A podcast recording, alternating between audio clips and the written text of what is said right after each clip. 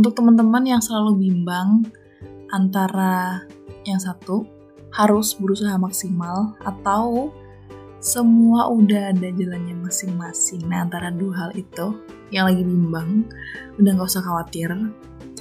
Ini terlepas dari kodo dan kondar ya. Dan ter terinspirasi dari obrolan Kang Sani dan juga Mario di Terang Taruh, film aku lupa episode yang mana. Tapi kalian bisa cari di IGTV mereka. Kalau kita ngomongin takdir, let's say mati mati itu kan udah ditakdirkan ya. Kita pasti mati. Tapi kita mau mati dalam keadaan yang bagaimana? Itu kan harus dan sedang kita usahakan. Karena mengusahakan takdir yang sudah ditulis di lahul mahfud itu sama sekali nggak pernah salah dan nggak akan pernah sia-sia. Yakin deh. Tapi akan lebih sia-sia lagi kalau kita tuh do nothing dan cuman berharap dengan hal yang kita pikir dalam tanda kutip, akan jadi takdir kita. Atau takdir yang tertulis itu juga masih misteri gitu kan. Yang tahu juga cuman yang maha mengetahui. Nah karena semakin kita berusaha, semakin kita siap gitu untuk menghadapi takdir, untuk menerima apa pun wujud takdir tersebut. Kalau ada pertanyaan ya, kalau kita cuman santai, apakah kita bakal tetap mendapatkan apa yang sudah ditakdirkan? Ya Allah alam, mungkin iya, karena kan udah takdir. Tapi gini, let's say kita memang sudah ditakdirkan untuk jadi chef.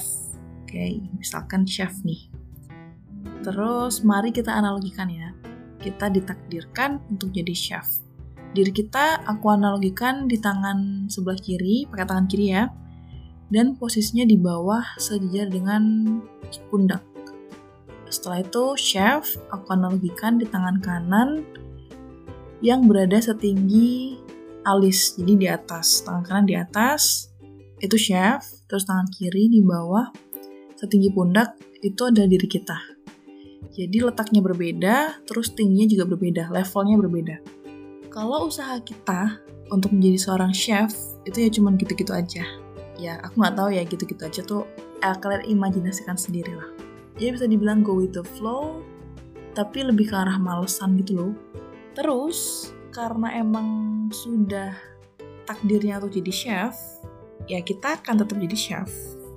Tapi kan tadi analogi seorang chef ada di atas ya setinggi. Nah karena tangan kanan seorang chef dan tangan kiri diri kita itu harus ketemu berarti si tangan yang tadinya di atas itu harus turun. Ya nggak sih? Kita tetap jadi chef cuman level chef itu jadi turun. Karena ya biar ketemu aja gitu antara kita dan predikat seorang chef. Jadilah itu sebuah level gitu kamu kalau jadi chef ya kamu jadi chef yang kayak gitu-gitu aja. Kamu chef yang nggak jujur harusnya itu dikasih makanan yang segar atau bahan yang segar. Kamu kasih bahan yang udah udah layu atau udah nggak segar itu fresh from the oven gitu. Tapi kamu malah udah yang diangetin gitu hidangan kemarin. Jadi kualitas kamu sebagai chef ya ya nggak banget.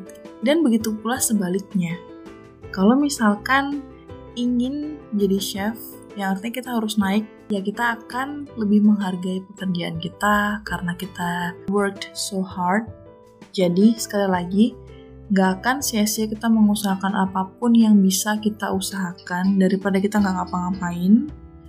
Karena itu ya jadi satu pembuktian gitu kepada Yang Maha Kuasa bahwa kita siap dan pantas untuk mendapatkan hal tersebut. And we deserve to be in the higher level.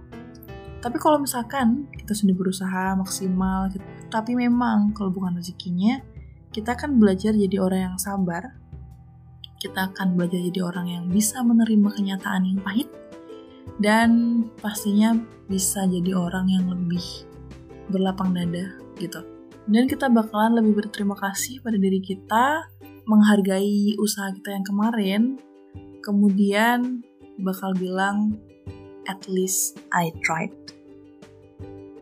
Oke, okay, sekian podcast kali ini. episode kesekian aku juga lupa.